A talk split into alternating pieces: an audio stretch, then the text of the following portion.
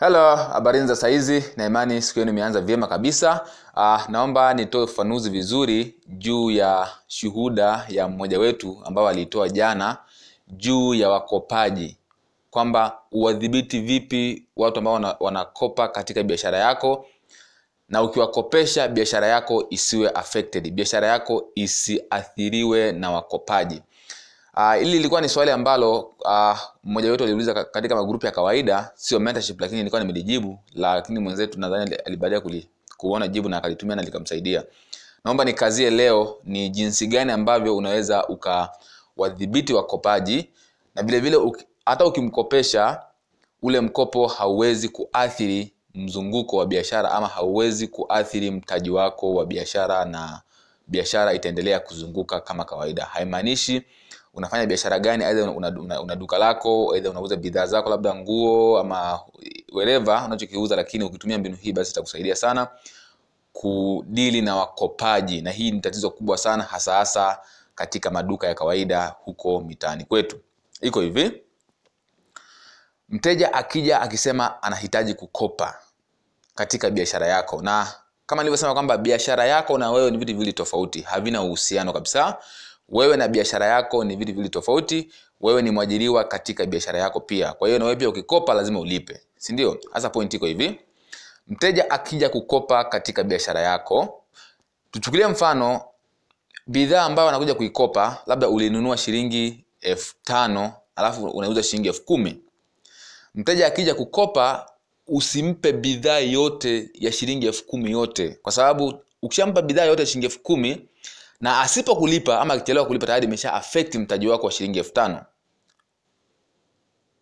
Okay? Labda bidhaa ulinunua shilingi elfu tano alafu unaiuza shilingi elfu kumi. Mteja akija kukopa ukimpa bidhaa yote shilingi elfu kumi yote asipolipa tayari kwenye mtaji wako imeshapungua shilingi elfu tano.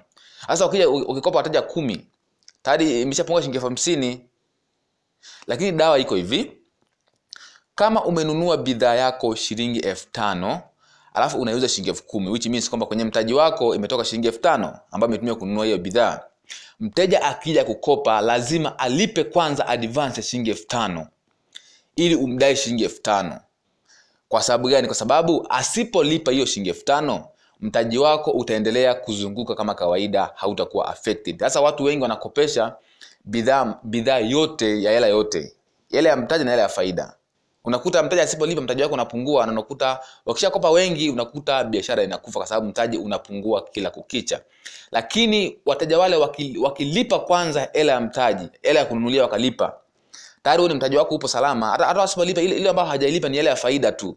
Lakini mtaji wako ameshaurudisha which means biashara yako itaendelea kuzunguka na hata kama amekopa na wewe utaendelea kuzungusha biashara yako kama kawaida kwa hiyo the mistake ni kwamba mteja akija kukopa bidhaa ya shilingi elfu kumi na hiyo bidhaa ulinunua shilingi elfu tano itabidi alipe shilingi elfu tano kwanza ili akave gharama zako za, za mtaji au gharama zake za manunuzi ili umdai shilingi elfu tano. Kama hasipolipa ama akichelewa kulipa biashara yako itaendelea kuzunguka kama kawaida kwa sababu mtaji wako upo salama. Ndio pointi yangu ilikuwa hivyo kwa hiyo usiruhusu mteja akaja akakopa bidhaa yako asilimia mia moja bila kulipa hata senti tano. Kwa sababu asipo asipolipa hiyo pesa mtaji wako utaathirika na utazidi kupungua kila kukicha. Wakija kukopa wateja kumi au wateja ishirini na wasipolipa tayari umefunga biashara na ndio mistake ambayo watu wengi sana wanaifanya katika biashara. Kwa hiyo hakikisha mteja kumwambia kukopesha sio sikatai lakini sharti la biashara liko hivi. Ili nikukopeshe lipe kwanza shilingi fulani hii hela ambayo atailipa kama advance hiyo ni hela ambayo ni ni ni ni, ni, hela ya kununulia hiyo bidhaa kama sehemu ya mtaji. Ili mtaji wako urudi kwenye, mzunguko then sehemu ya faida ambayo utategemea kuipata kwenye hiyo bidhaa ndio uendelee kumdai. Which means kwamba hapo tayari utakuwa unamdai pesa yako ya faida na sio mtaji. Sasa watu wengi wanadai mitaji kwa wakopaji ndio shida inakuja hapo. Kwa hiyo usimkopeshe mteja wako bidhaa kwa asilimia mia moja bila kutoa advance ya pesa ulionunulia kama ulinunua bidhaa shilingi elfu hamsini alafu unauza shilingi elfu hamsini na tano au shilingi au shilingi elfu au shilingi elfu sitini au shilingi elfu sabini alipe kwanza hiyo pesa pesa pesa ya nani ya, ya kununulia bidhaa. Ile ambao ungeipata kama faida ndio uendelee kumdai mwambie huo ni utaratibu wa ofisi na haibadiliki. Na hiyo ndio dawa ya wakopaji na ukifanya hivyo na kuhakikishia hata kama ukikopesha wateja wengi biashara yako itaendelea kuzungusha kama kawaida kwa sababu mtaji utakuwa upo salama. Kwa hiyo hiyo ndio ilikuwa ni pointi ya shuhuda iliyopita ya mwenzetu ambao anaitumia sasa hivi na imempatia mafanikio makubwa sana. Kwa hiyo kama ukupata basi nafasi ya kusikia pointi hii au kusikia uh, mbinu hii basi iko hivyo. Kwamba usikopeshe asilimia mia moja. Alipe kwanza nusu au alipe kwanza ile gharama ya manunuzi kama sehemu ya kurudisha mtaji. Ili hata asipokulipa wewe mtaji wako haujawa affected mtaji wako uko salama na biashara yako inaendelea kuzunguka kama kawaida. Ndio maana unashangaa kuna watu wengine wanakopesha sana lakini biashara zao ziko vile vile. Lakini kuna wengine wakikopesha wataja kumi wamefunga biashara kwa sababu wao wanakopesha na, na mitaji moja kwa moja. Lakini kopesha kopesha faida tu ili usikopeshe mtaji.